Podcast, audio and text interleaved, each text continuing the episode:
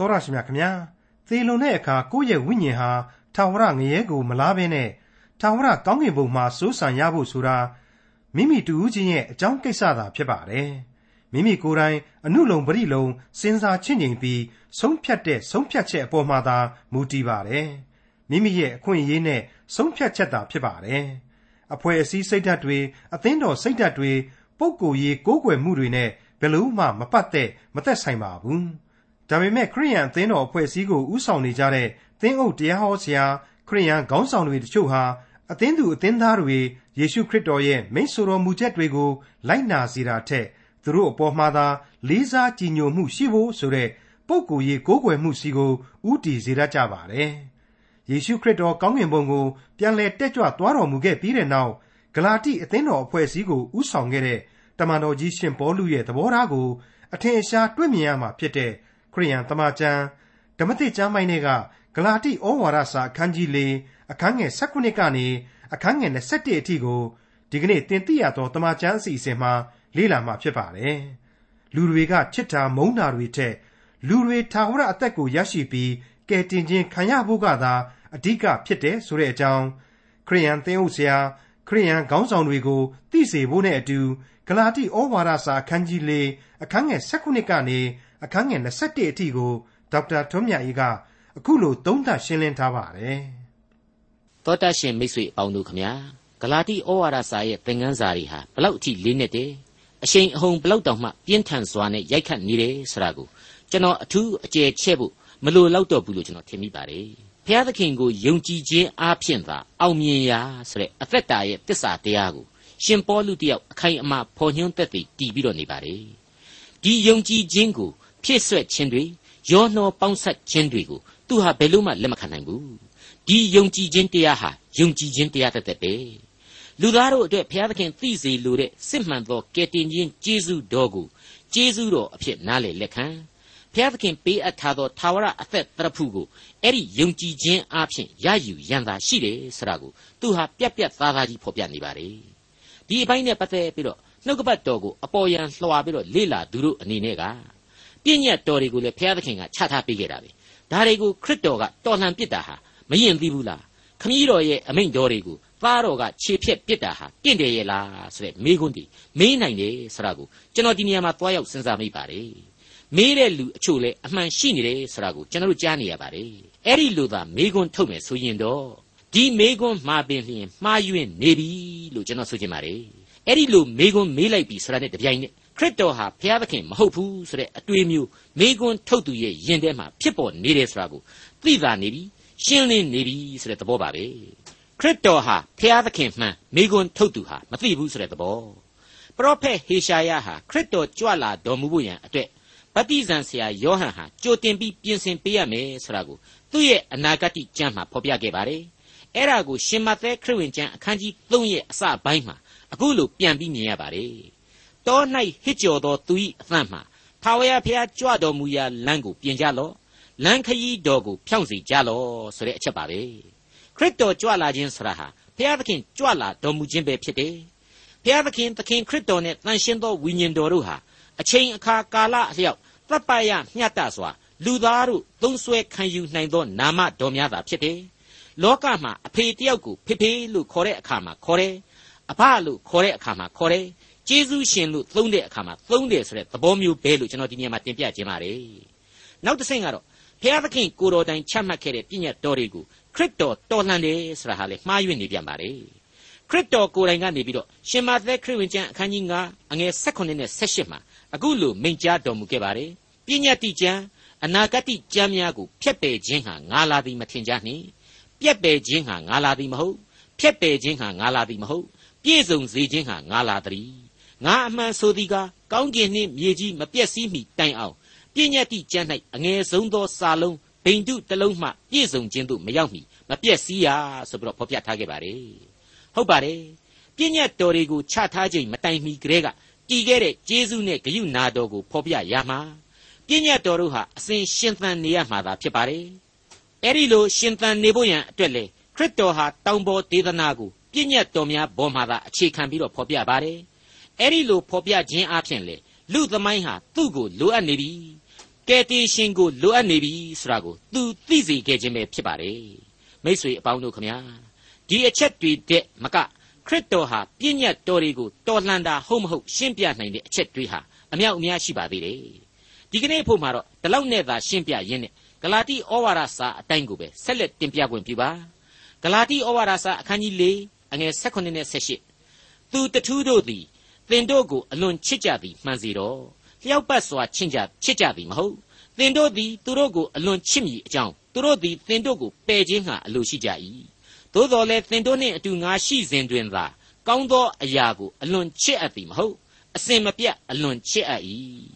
ဒီအပိုင်းဟာသေသေးချာမဖတ်ခဲ့သည်ရှိတော့မျက်စိလဲနိုင်တယ်လို့ကျွန်တော်ယူဆမိပါတယ်အမှန်တော့ဂလာတိသားတွေကိုယုံကြည်ခြင်းတရားလမ်းကနေပြီးတော့နောက်ပြန်ဆွဲစေတဲ့ခရစ်တော်ဆန့်ကျင်ရေးသမားတွေဟာ သူတို့ဘက်ကိုဂလာတိအသင်းတော်ကယုံကြည်သူတွေပါလာအောင်ဟန်ဆောင်မေတ္တာတွေနဲ့သွေးဆောင်ဖျားရောက်နေတယ်တကယ်လို့သာဂလာတိသားတွေဟာသူတို့ရဲ့တရားစကားတွေကိုနားယောင်မယ်ဆိုရင်တော့ဘဝရဲ့ကယ်တင်ခြင်းပျက်စီးလန်းလွဲရလိမ့်မယ်ဆိုတာကိုရှင်ပေါလုဖော်ပြလိုက်တာသာဖြစ်ပါတယ်ပြီးတဲ့နောက်မှာမှဂလာတိသားတို့ရေငါရှိတော့ကမင်းတို့ကိုအေဝံဂေလိတရားကိုသွန်သင်ယုံကြည်ခြင်းတရား၌တည်စေခဲ့တယ် အခုငါမရှိတာနဲ့ပဲတည်ခဲ့တဲ့ယုံကြည်ခြင်းမပြတ်ကြပါစေနဲ့ဒီတရားတော်ဟာအစင်မပြတ်ချစ်အပ်တဲ့တရားတော်ဖြစ်တယ်ဒလင်ကတရားမဟုတ်တဲ့အစင်သာဝရတရားဖြစ်တယ်ဆိုတာကိုသတိရကြပါဆိုပြီးတော့တမန်တော်ကြီးကသတိပေးလိုက်ခြင်းနဲ့အတူတူပါပဲမိษွေအပေါင်းတို့ခမညာကိုယ့်ရဲ့ဘဝလွတ်မြောက်ခြင်းကိုယ့်ရဲ့ဘဝသာဝရအသက်လမ်းကိုရရှိခြင်းဆိုတာဟာသေချာစဉ်းစားကြည့်ရင်ကိုတူးချင်းရဲ့ကယ်တင်ခြင်းအခွင့်အရေးသာဖြစ်ပါတယ်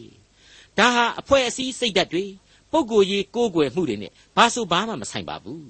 တမန်တော်ကြီးရှင်ပေါလုဟာသူ့ကိုလူတွေချစ်တာမုန်းတာတဲ့ဒီလူတွေအဖို့ကယ်တင်ခြင်းစုကျေစုရဖို့သာလျှင်အဓိကဆိုတဲ့အလွန်မွန်မြတ်တဲ့စိတ်ပြဋ္ဌာန်းချက်ရှိနေတယ်ဆိုတာကိုတွေ့မြင်နေရပါတယ်မိษွေအပေါင်းတို့ဘယ်လိုရှိတော့အမြင်ကနေပဲဆုံးဖြတ်ဖြတ်ကြည်ကြည်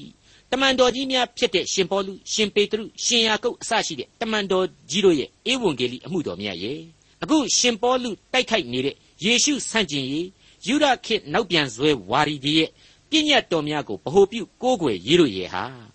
အဲ့ဒီအသင်းတော်ရဲ့သမိုင်းဥမှာကတော့အတော်ကြီးပြင်းထန်ခဲ့ရမှာအသေးချာပဲဖြစ်ပါလေဒီနေရာမှာကျွန်တော်နောက်ထပ်တွေးမိတာတစ်ခုကိုထည့်သွင်းဖော်ပြခြင်းပါတယ်အဲ့ဒါကတော့တခြားမဟုတ်ပါဘူးအခုတပားမျိုးသားတို့အများစုနဲ့ဖွဲ့စည်းထားတဲ့အသင်းတော်များကြားမှာပြည့်ညတ်တော်တွေကိုခရစ်တော်တဲ့ပို့ပြီးတော့အလေးပေးနိုင်ဖို့အတွက်ယူရသို့မဟုတ်ဂျူးများကဆွဲတရားဟောနေကြတာဒီကို တပားမျိုးသားတို့ဟာစိတ်ရောက်မိကြတယ်ဇဝေဇဝါဖြစ်မိကြတယ်ဆိုရင်တောင်းမှအနန္တတကုရှင်ဘုရားသခင်သည်အသက်ရှိတော်မူသည်ဆိုတာကိုတော့လူအဖွဲ့အစည်းဟာတညီတညွတ်ကြီးလက်ခံနေပြီဆိုတဲ့တိုးတက်သောအချက်တစ်ခုကိုပေါ်လွင်စေတယ်လို့ကျွန်တော်ဆိုချင်ပါတယ်အသက်မရှိတဲ့နတ်ရုပ်တွေနဲ့သာသမိုင်းနှစ်ပေါင်းထောင်ချီခဲ့တဲ့လူသမိုင်းဟာတမန်တော်ကြီးတို့ကြောင့်အသက်ရှင်တော်မူသောဘုရားသခင်ရဲ့ကယ်တင်ခြင်းတရားတော်ကိုလက်ခံခဲ့ကြပြီ အဲ့ဒီလိုခရစ်တော်ရဲ့ဂျေဇုနဲ့ဂရုနာတော်ကိုယုံကြည်ခြင်းတရားအဖြစ်အကြီးအကျယ်ပြောင်းလဲနေတဲ့ကမ္ဘာလောကကြီးထဲမှာပြည့်ညတ်တရားတော်တွေကိုသာအဓိကထားပြီးတော့အကျင့်တရားဘက်ကိုနောက်ပြန်ဆုတ်ဖို့ဆွဲတရားဟောနေကြတယ်။အယူသီးဖို့ရန်အတွက်အလေးပေးနေကြတယ်။လူတွေကလည်းဒီကိစ္စတွေအပေါ်မှာရင်းရိုင်နေကြတယ်ဆိုရင်လေခရစ်တော်ကိုမေ့လျော့ခြင်းဆိုတဲ့အပြစ်ကြီးသင့်တာမှန်တယ်။ဒါပေမဲ့အကယ်၍သာဒီပြည့်ညတ်တရားတွေကိုနက်နက်နဲနဲပြန်ပြီးတော့စဉ်းစားလိုက်မယ်ဆိုရင်နှုတ်ကပတ်တော်အဖြစ်သူတို့ဟာ ဖျားသခင်ရဲ့လမ်းပြတော်မူခြင်းကိုခံယူရရှိပြီးကယ်တင်ခြင်းကျေးဇူးတော်ကိုပြန်လဲရယူခံစားကြရလိမ့်မယ်ခရစ်တော်၌ပြန်လဲဗဟိုပြုတ်ကိုလာကြရလိမ့်မယ်လို့ကျွန်တော်ကလူတွေးတွေးမိပါတယ်ဒါဟာဝိညာဉ်အမြင်လို့ကျွန်တော်မဆိုချင်ပါဘူးသမိုင်းအမြင်လို့ကျွန်တော်ဆိုချင်ပါတယ်မိษွေအပေါင်းတို့ဘုရားသခင်ရဲ့အလိုတော်ခရစ်တော်ရဲ့ဗျာဒိတ်အလင်းတို့နဲ့အမှုတော်ကိုဆောင်နေတဲ့တမန်တော်ကြီးဟာအခုဂလာတိအသင်းတော်ကိုယုံကြည်ခြင်း၌တည်နေကြဖို့ဩဝါဒစာကို ပြင်းပြင်းထန်ထန်ပြုခဲ့သလိုကောရိန္သုအသင်းတော်ကိုလည်းဒီအတိုင်းပဲရေးခဲ့သေးတာကိုကျမ်းပြိုင်အဖြစ်ကျွန်တော်သတိရမိပါတယ်ကောရိန္သုဩဝါဒစာဒုတိယစာဆောင်မှာပြန်ပြီးတော့ကြည်ပါကောရိန္သုဩဝါဒစာဒုတိယစာဆောင်အခန်းကြီး7အငယ်7မှ15အကယ်စင်စစ်သီးခံခြင်းနှင့်တကွနမိတ်လက္ခဏာအံ့ဘွယ်သောအမှုထူးဆန်းသောတကိုးများအားဖြင့်တမန်တော်တို့၏လက္ခဏာတို့ကိုသင်တို့တွင်ထင်ရှားစွာပြပြီငါသည်သင်တို့ကိုမနှောက်ယှက်သောအရာတစ်ခုကိုထားလျင် သင်တို့သည်အခြားသောအသင်းတော်တဲ့အဘယ်သို့ယုံညံ့သနည်းထို့သောငါပြစ်မှားသောအပြစ်ကိုသိခံကြလော့ဤတတရအကျင့်သင်တို့စီတို့သွားခြင်းဟာငါသည်အသင့်ရှိ၏သင်တို့ကိုနှောက်ယှက်မည်ဟုအကြံမရှိသင်တို့ဥစ္စာကိုငါရှာသည်မဟုတ်သင်တို့ကိုသာရှာ၏သားသမီးတို့သည်မိဘအတွက်ဥစ္စာကိုစီးပူးရသည်မဟုတ်မိဘတို့သည်သားသမီးတို့အတွက်စီးပူးရ၏ငါသည်သင်တို့ကိုချစ်ချင်းမေတ္တာစိတ်တိုးပွားသည့်အတိုင်းသင်တို့သည်ငါကိုချစ်ချင်းမေတ္တာစိတ်ဆုပ်ယုပ်တော်လေ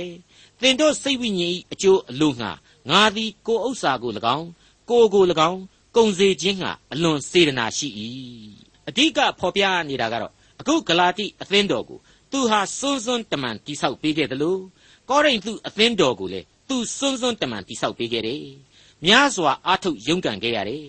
အဲ့ဒီလိုရုန်းကန်အားထုတ်တိဆောက်ရမှတမန်တော်ကြီးကိုအများစုဟာအလွန်ချစ်ခင်ခဲ့ကြတယ်တချို့ကတော့စေတနာကိုနားမလဲ အထင်လွဲပြီးတော့အမုန်းပွားခြင်းမျိုးတွေရှိနိုင်တယ်ဒါပေမဲ့ကိစ္စမရှိဘူးသူ့ကိုမုန်းတာချစ်တာတဲ့ခရစ်တော်ကိုယုံကြည်ဖို့သာလျှင်အဓိကဖြစ်တယ်ဆိုတဲ့စေတနာနဲ့သူအမှုထမ်းဆောင်ခဲ့တယ်ဆိုတာကိုသူဖော်ပြလိုက်တာပဲဖြစ်ပါတယ်ဒီတော့အခုဂလာတိအသင်းတော်အတွက်တမန်တော်ကြီးရှင်ပေါလုဖော်ပြခဲ့တဲ့အချက်တွေနဲ့ကောရိန္သုဩဝါဒစာမှာဖော်ပြခဲ့တဲ့အချက်တွေဟာအခြေခံသဘောတရားချင်းဆင်တူနေတယ်ဆိုတာရှင်းနေအောင်မြင်နေရပါတယ်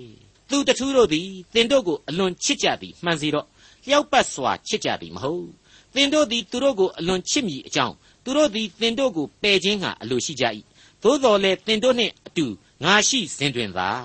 ကောင်းသောအရာတို့ကိုအလွန်ချစ်အပ်သည်မဟုတ်အစင်မပြတ်အလွန်ချစ်အပ်၏လို့ဂလာတိကိုသူရေးခဲ့ပါတယ်အခုလိုသူရေးသားခဲ့တာဟာလေသူ့ကိုချစ်ဖို့ခင်ဖို့တဲ့ခရစ်တော်ကိုသာလူသားတို့အနေနဲ့အသက်နဲ့အမျှယုံကြည်ကြဖို့အဓိကဆိုတာကိုသူဖော်ပြလိုက်ခြင်းပါပဲမိတ်ဆွေအပေါင်းတို့ခမညာ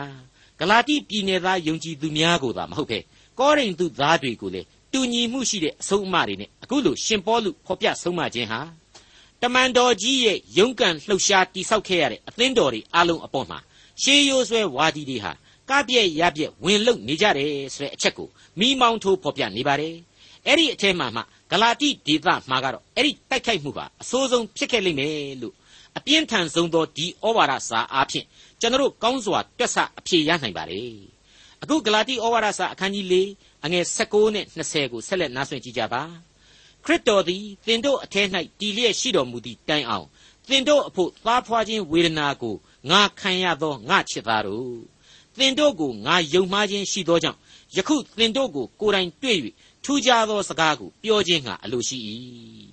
ရှေးကအရေးအဖွဲ့တစ်ခုဖြစ်ပါတယ် ရည်စရာလို့ခံယူခြင်းလည်းခံယူနိုင်လောက်ပါတယ်ဒီအသင်းတော်အတွက်ဘုရားသခင်ထံတော်ကဝိညာဉ်ခွန်အားကိုရယူတိဆောက်ရတယ်ပြီးတော့ရုပ်အင်အားများအဖြစ်သူ့ခန္ဓာကိုယ်ဟာအကြီးအကျယ်ကာယအင်အားညာနာအင်အားတို့စိုက်ထုတ်ပြီးနောက်မှစ조사တီထောင်ပေးခဲ့ရတယ်ဆိုတာကိုတမန်တော်ကြီးကဖော်ပြလိုက်ခြင်းဖြစ်ပါတယ်အဲ့ဒီလိုဖော်ပြရမှာခရစ်တော်၌မင်းတို့တည်နေစေဖို့ငါဟာခလေးမွေးတယ်လို့ဝေဒနာတွေကိုခံရတယ်လို့သူဆိုလိုက်ခြင်းဖြစ်ပါတယ် ဒါဟာဥပမာအလင်္ကာပေါ့အခုအချိန်မှာတော့အဲ့ဒီလိုငါစူးစမ်းတိဆောက်ပေးခဲ့တဲ့မင်းတို့အသင်းတော်ရဲ့ယုံကြည်ခြင်းကိုငါမသင်္ကာဖြစ်နေရပြီသင်္ကာမကင်းဖြစ်နေရပြီမင်းတို့ကိုငါကိုယ်တိုင်တွေ့ပြီးတော့ပျော့ပစ်ခြင်းစရာတွေရင်ထဲမှာပြည့်သိမ့်နေအောင်ခံစားနေရပါတယ်တဲ့ဂလာတိဩဝါဒစာအခန်းကြီး၄အငယ်21ပြည့်ညက်တရားအောက်၌နေခြင်းသောသူတို့သင်တို့သည်ပြည့်ညက်တရားကိုနားမလဲသလောဒီမေကွန်းဟာတိုတောင်းပါတယ် ဒါပေမဲ့အလွန်ပြတ်သားပါတယ်တကယ်တမ်းသာဖြေရရင်တော့အင်မတန်လေးနဲ့ကျယ်ဝန်းတဲ့အတိတ်ဘယ်တွေနဲ့မဆန့်နိုင်အောင်အဖြေတွေပေါ်ထွက်လာပါလိမ့်မယ်ဟုတ်ပါတယ်ပြည့်ညက်တရားတော်ဆိုတဲ့ဘုရားသခင်ချထားပေးတဲ့ဥပဒေသတွေဟာဘလောက်မုံမြတ်တယ်လိုက်နာတိုက်တယ်ဆိုတာကိုဘသူကမှမငြင်းနိုင်သလိုကြားရသောလူတိုင်းတို့ကလည်းပြည့်စုံလိုက်တာစင်ကြယ်လိုက်တာဆိုတာကချက်ချင်းပြောလာကြတဲ့အသံတွေကြီးပဲဖြစ်ပါတယ် ဒီပြည့်ညက်တော်တွေကိုမကောင်းဘူးဆိုတာမျိုးပြောတဲ့အသံမျိုးမကြားဘူးတော့ပဲဖြစ်ပါတယ်ဒါပေမဲ့အဲ့ဒီပြည့်ညက်တော်တွေကပေးတဲ့အပြစ်ဒဏ်တွေအကြောင်းကိုရောလူသားတို့ဟာသိနာလေကြပါရဲ့လားအထူးသဖြင့်ပြည့်ညက်တော်ကိုချထားသူအနန္တတကုရှင်ရဲ့တကိုးတော်နဲ့ညီမျှတဲ့တရားစီရင်ခြင်းဆိုတာဟာဘလောက်အထိအတိုင်းအတာရှိသလဲဆိုတာကိုလူသားတို့နားလည်ကြပါစားဒါတွေဟာအင်မတန်စဉ်းစားတိုက်လာတဲ့မိကွန်းတွေပါပဲပြည့်ညတ်တော်တို့ကိုဘုရားသခင်ဟာကပ္ပသမိုင်းစင်မြင့်ဘော်က ဣသရေလတို့အတွက်ချထားပေးခြင်းကိုအခုနားဆွင့်ထောင်ကြည့်ကြပါထွမြောက်ရာကျမ်းအခန်းကြီး19အငယ်16မှ21သုံးရက်မြောက်သောနေ့နန်းနဲ့အချိန်၌တောင်ပေါ်မှမိုးချုံခြင်းလျက်ပြက်ခြင်းနှင့်တကွမိုးတိမ်တိုက်လွှမ်းမိုး၍ကြီးသောအသံနှင့်တဘိုးမြည်သဖြင့်တတ်၌ရှိသောလူအပေါင်းတို့သည်တုန်လှုပ်ကြ၏မောရှေသည်လည်းဘုရားသခင်နှင့်တွေ့စီခြင်းဟာလူများတို့ကိုတတ်ထဲကဆောင်ခဲ့သဖြင့်သူတို့သည်တောင်ချေရင်းအောက်၌ရပ်နေကြ၏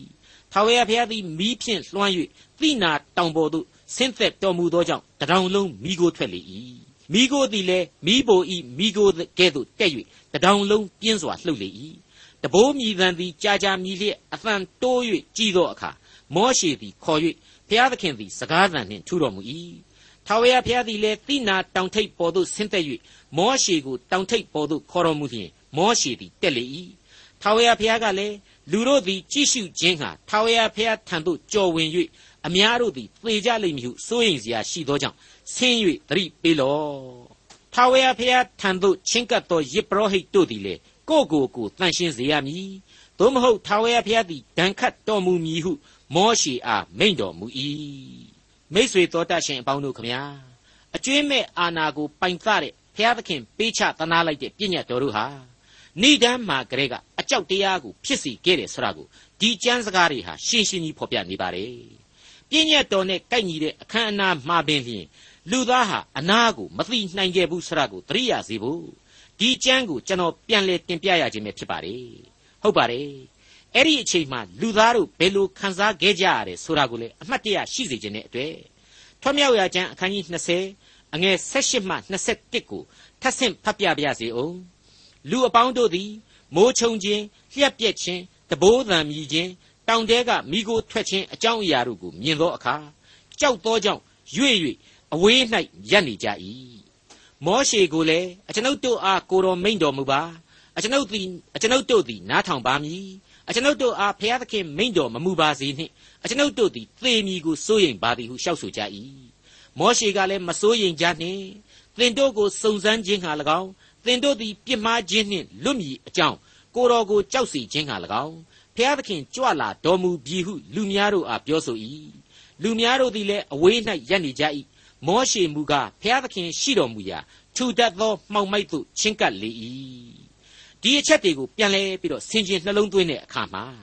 အလွန်တရာကြီးမားလှတဲ့မဟာပြည့်ညတ်တော်ကြီးတစ်ခုဟာလေကဘာဦးကလေးကဖြစ်တည်ခဲ့သေးတယ်ဆိုတာကိုကျွန်တော်တို့မြင်ရမှာပါဟုတ်ပါတယ် ဤအသီးကိုမင်းတို့မစားရစားသောနေ့မှာအမှန်သေရမည်ဆိုတဲ့ပြည့်ညတ်တော်ကြီးပဲဖြစ်ခဲ့ပါတယ်မိษွေအပေါင်းတို့ခမညာအာရန်အေဝါတို့စပီပီချင်းသေခဲ့ပါတယ်ဘာသေခဲ့တယ်လဲဆိုတော့ဘုရားသခင်ပေးတော်မူသောဘုံတကိုရောင်ဝါဘုရားသခင်ခြုံလွှမ်းတော်မူသောကောင်းကင်ဘုံဤထူးခြားသောဝိညာဏအသရေထွန်းတောက်ခြင်းတို့အဲ့ဒီအချိန်မှတင်စတင်သေဆုံးသွားခဲ့ရပါတယ်အဲ့ဒါဟာပထမသေခြင်းဖြစ်ပါတယ် နောက်သေခြင်းကတော့ရုပ်ခန္ဓာဏိဂုံးကျုပ်အချိန်ကာလမှာသေရခြင်းပဲဖြစ်ပါတယ်သေခြင်းနှမျိုးပါအဲ့ဒီလိုလူအဖွဲ့အစည်းစတင်လာကြတဲ့ကချမှတ်ခဲ့ရတဲ့ပြည့်ညတ်တော်တို့ရဲ့သဘောတရားအတိုင်းရွေးကောက်တော်မူသောလူမျိုးတော်ကိုမောရှေမှတဆင့်ချမှတ်ခဲ့တဲ့ပြည့်ညတ်တော်များကတော့ပြည့်ညတ်တော်၁၀ပါးအဖြစ်အလွန်ထင်ရှားလှပါတယ်။ဒါပေမဲ့ကျွန်တော်သင်ခန်းစာမှာအထက်ထပ်ဖော်ပြခဲ့တဲ့အတိုင်းပဲအခြားဥပရိသပုံမှတွေဟာလေအလွန်တရာများပြားလှပါတယ်။ ဥပမာပြောရမယ်ဆိုရင်အမြောက်များရှိပါတယ်။ဒီထက်ကပြီးခဲ့တဲ့သင်ခန်းစာမှာဖော်ပြခဲ့တဲ့အတိုင်းနေ့တွေရက်တွေလတွေနှစ်တွေအလိုက်ဥပုပ်ဆောင်ဖို့ဥပရိသတွေအစားအသောက်အနေအထိုင်နဲ့ပတ်သက်တဲ့ဥပရိသတွေတန်ရှင်းခြင်းနဲ့တက်ဆိုင်တဲ့ဥပရိသတွေစသည်စသဖြင့်ဥပရိသပေါင်းမြောက်များစွာရှိနေလို့ပဲဖြစ်ပါတယ်အဲ့ဒီတော့ဒီပြည့်ညတ်တော်၁၀ပါးရဲ့အရင်ကဘာဦးကသေပြစ်တစ်ခုတည်းကိုပဲစဉ်းစားကြည့်စေချင်ပါတယ်ဘသူရှောင်နိုင်ခဲ့ပါသလဲ ဘသူမှမရှောင်နိုင်ခဲ့ကြပါဘူး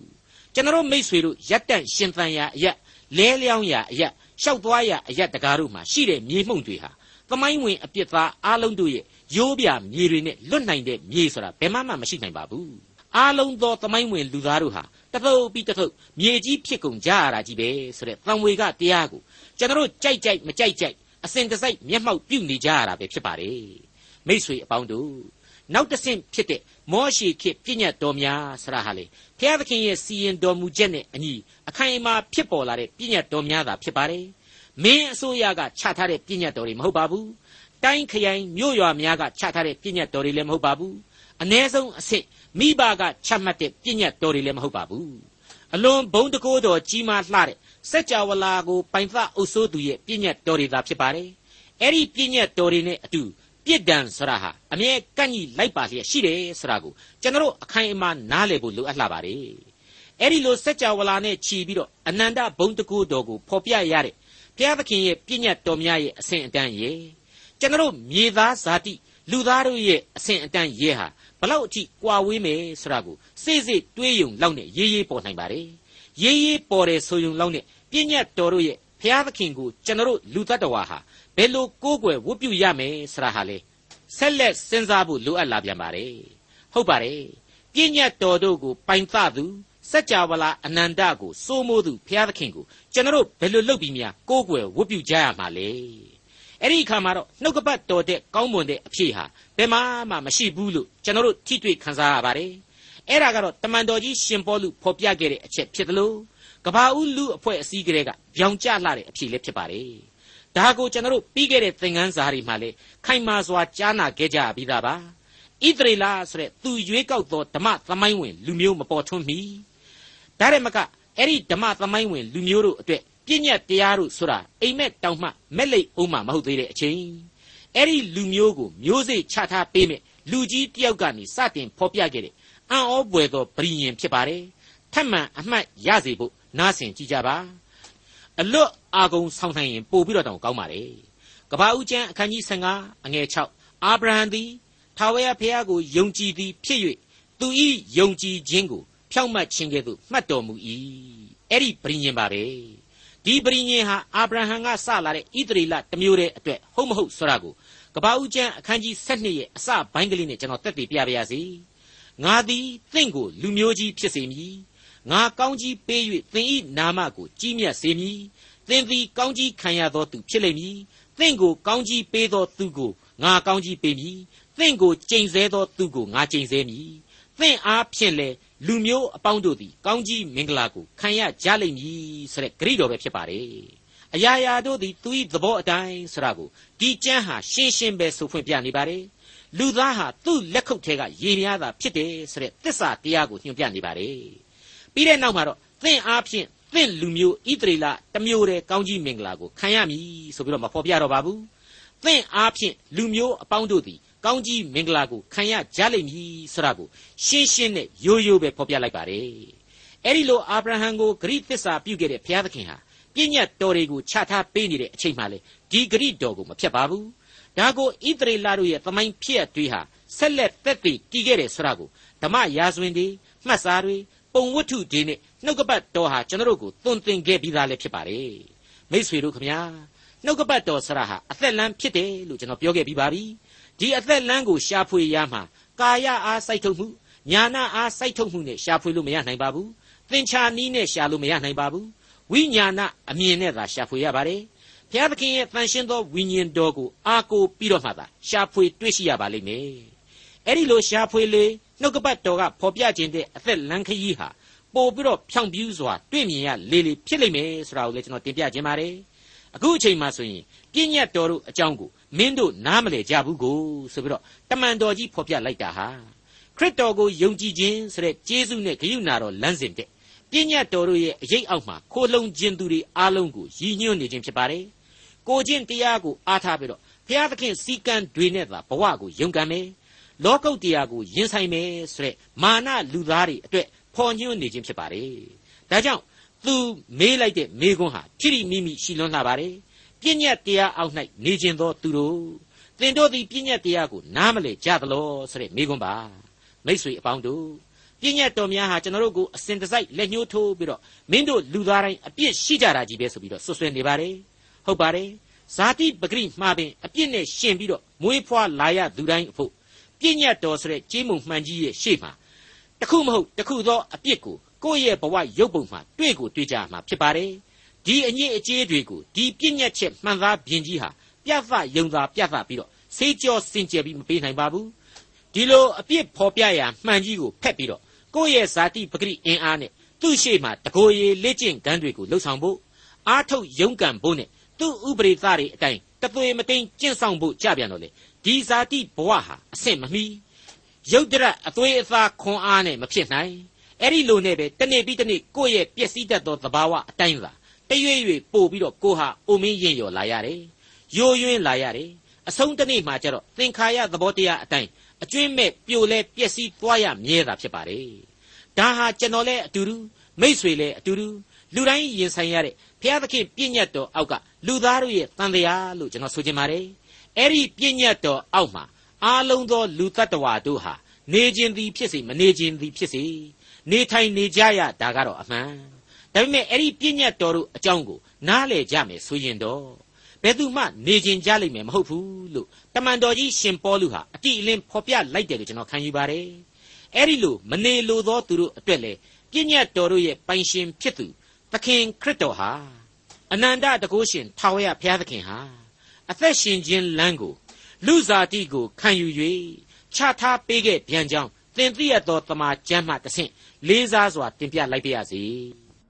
ဒေါက်တာထွန်းမြတ်ရေးစီစဉ်တင်ဆက်တဲ့တင်ပြရသောတမန်ကျမ်းအစီအစဉ်ဖြစ်ပါတယ်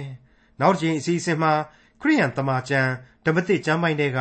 ဂလာတိဩဝါဒစာအခန်းကြီး၄အခန်းငယ်22ကနေအခန်းငယ်31အထိကိုလေ့လာမှဖြစ်တဲ့အတွက်စောင့်မျှော်နားဆင်နိုင်ပါတယ်။